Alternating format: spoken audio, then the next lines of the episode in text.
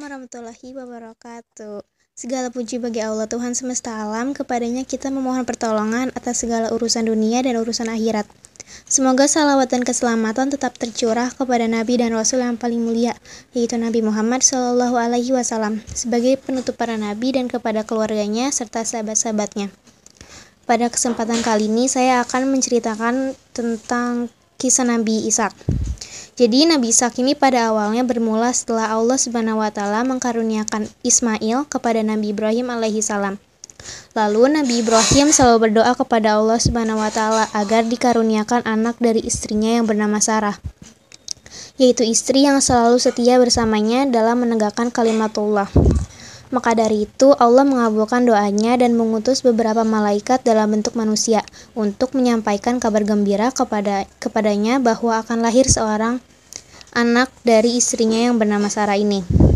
Namun, mereka juga memberitahukan tujuan mereka lainnya, yaitu pergi mendatangi kaum Lut untuk menimpakan azab kepada mereka. Pada saat ketika para malaikat ini tersebut datang kepada Nabi Ibrahim, maka ia menyambut mereka dengan sebaik-baiknya dan mempersilahkan mereka untuk duduk di ruang tamu dan segeralah ia menyiapkan jamuan makanan untuk mereka. Nabi Ibrahim alaihissalam ini merupakan seseorang yang selalu memuliakan tamu dan juga orang yang dermawan. Lalu, tidak lama kemudian Nabi Ibrahim datang membawa anak sapi yang gemuk yang telah dipanggang serta menghidangkannya kepada mereka. Tetapi mereka tidak makan dan juga tidak minum jamuan yang telah dihidangkan tersebut. Dengan kondisi seperti itu, Nabi Ibrahim terasa takut kepada mereka. Lalu malaikat-malaikat ini menenangkannya dan segeralah mereka memberitahu kepada Nabi Ibrahim tentang diri mereka setelah serta memberitahukan maksud dan tujuan mereka untuk menyampaikan kabar gembira ini kepadanya dengan akan adanya kelahiran seorang anak yang berilmu ini. Lalu ketika hal tersebut disampaikan, Sarah mendengar pembicaraan mereka. Lalu ia datang dan menghampiri dalam keadaan heran terhadap kabar gembira yang mereka sampaikan. Dia pikir bahwa bagaimana dirinya bisa melahirkan sedangkan dia merupakan seorang wanita yang sudah tua dan mandul. Ketika itu usianya sudah 90 tahun, sedangkan suaminya juga sudah lanjut usia. Lalu mendengar pembicaraan tersebut, para malaikat berkata, Demikianlah Tuhanmu memfir memfirmankan, sesungguhnya dialah yang maha bijaksana dan lagi maha mengetahui. Quran Surat Al-Zariyat ayat 30 Mendengar berita tersebut, Nabi Ibrahim pun menjadi tenang dan berbahagia, karena apa yang dinanti-nantikannya ternyata akan segera tiba. Selang beberapa waktu, berita yang disampaikan oleh para malaikat menjadi kenyataan bagi Nabi Ibrahim. Istrinya Sarah melahirkan seorang anak laki-laki yang kemudian diberi nama Ishak oleh Nabi Ibrahim. Pada saat itu Nabi Ibrahim telah berumur 100 tahun. Lalu Ishak lahir 14 tahun setelah kelahiran Ismail.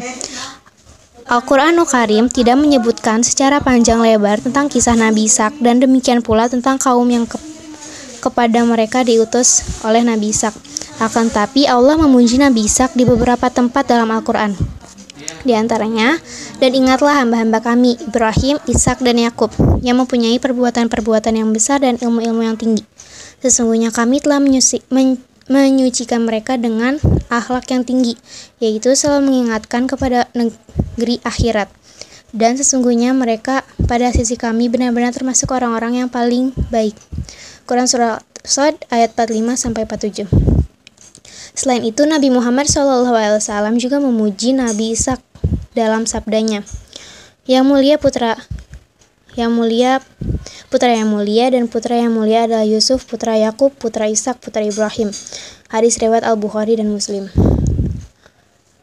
Pernikahan Nabi Ishak pada umur pada saat usia 40 tahun, Nabi Ishak memutuskan untuk menikah dan membangun keluarga sendiri. Diceritakan bahwa Nabi Ishak menikah dengan seorang wanita bernama Rafqah bin Batuil. Namun ternyata Namun ternyata ujian yang pernah menimpa ayah dan ibundanya dialami juga oleh Nabi Ishak. Diceritakan bahwa istrinya Rafkah juga merupakan wanita yang mandul. Nabi Ishak pun terus saja berdoa kepada Allah. Ia lahir berkat keajaiban darinya. Maka bukan hal mustahil bagi Allah untuk memberi kembali keajaiban tersebut. Nabi Ishak dan istrinya terus berdoa dengan harapan dan tawakal yang kuat.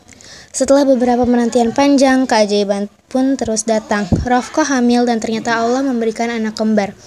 Anak tersebut diberi nama Lis atau Isau dan Yakub.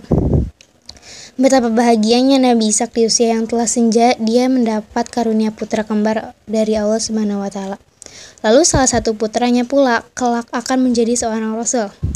Dia adalah Nabi Yakub dan kelak menjadi bapa dari Nabi Yusuf, Bunyamin, dan saudara-saudaranya. Dari anak-anak Yakub bin Ishak inilah cikal bakal terbentuknya Bani Israel atau keluarga Israel. Disebut Israel karena Nabi Yakub sering kali melakukan perjalanan di malam hari. Namun, lalu saudara kembarnya Lis disebut orang-orang Arab dengan istilah Lish atau Lishu yang merupakan nenek moyang dari bangsa Romawi. Sekian, kurang lebihnya mohon maaf. Assalamualaikum warahmatullahi wabarakatuh.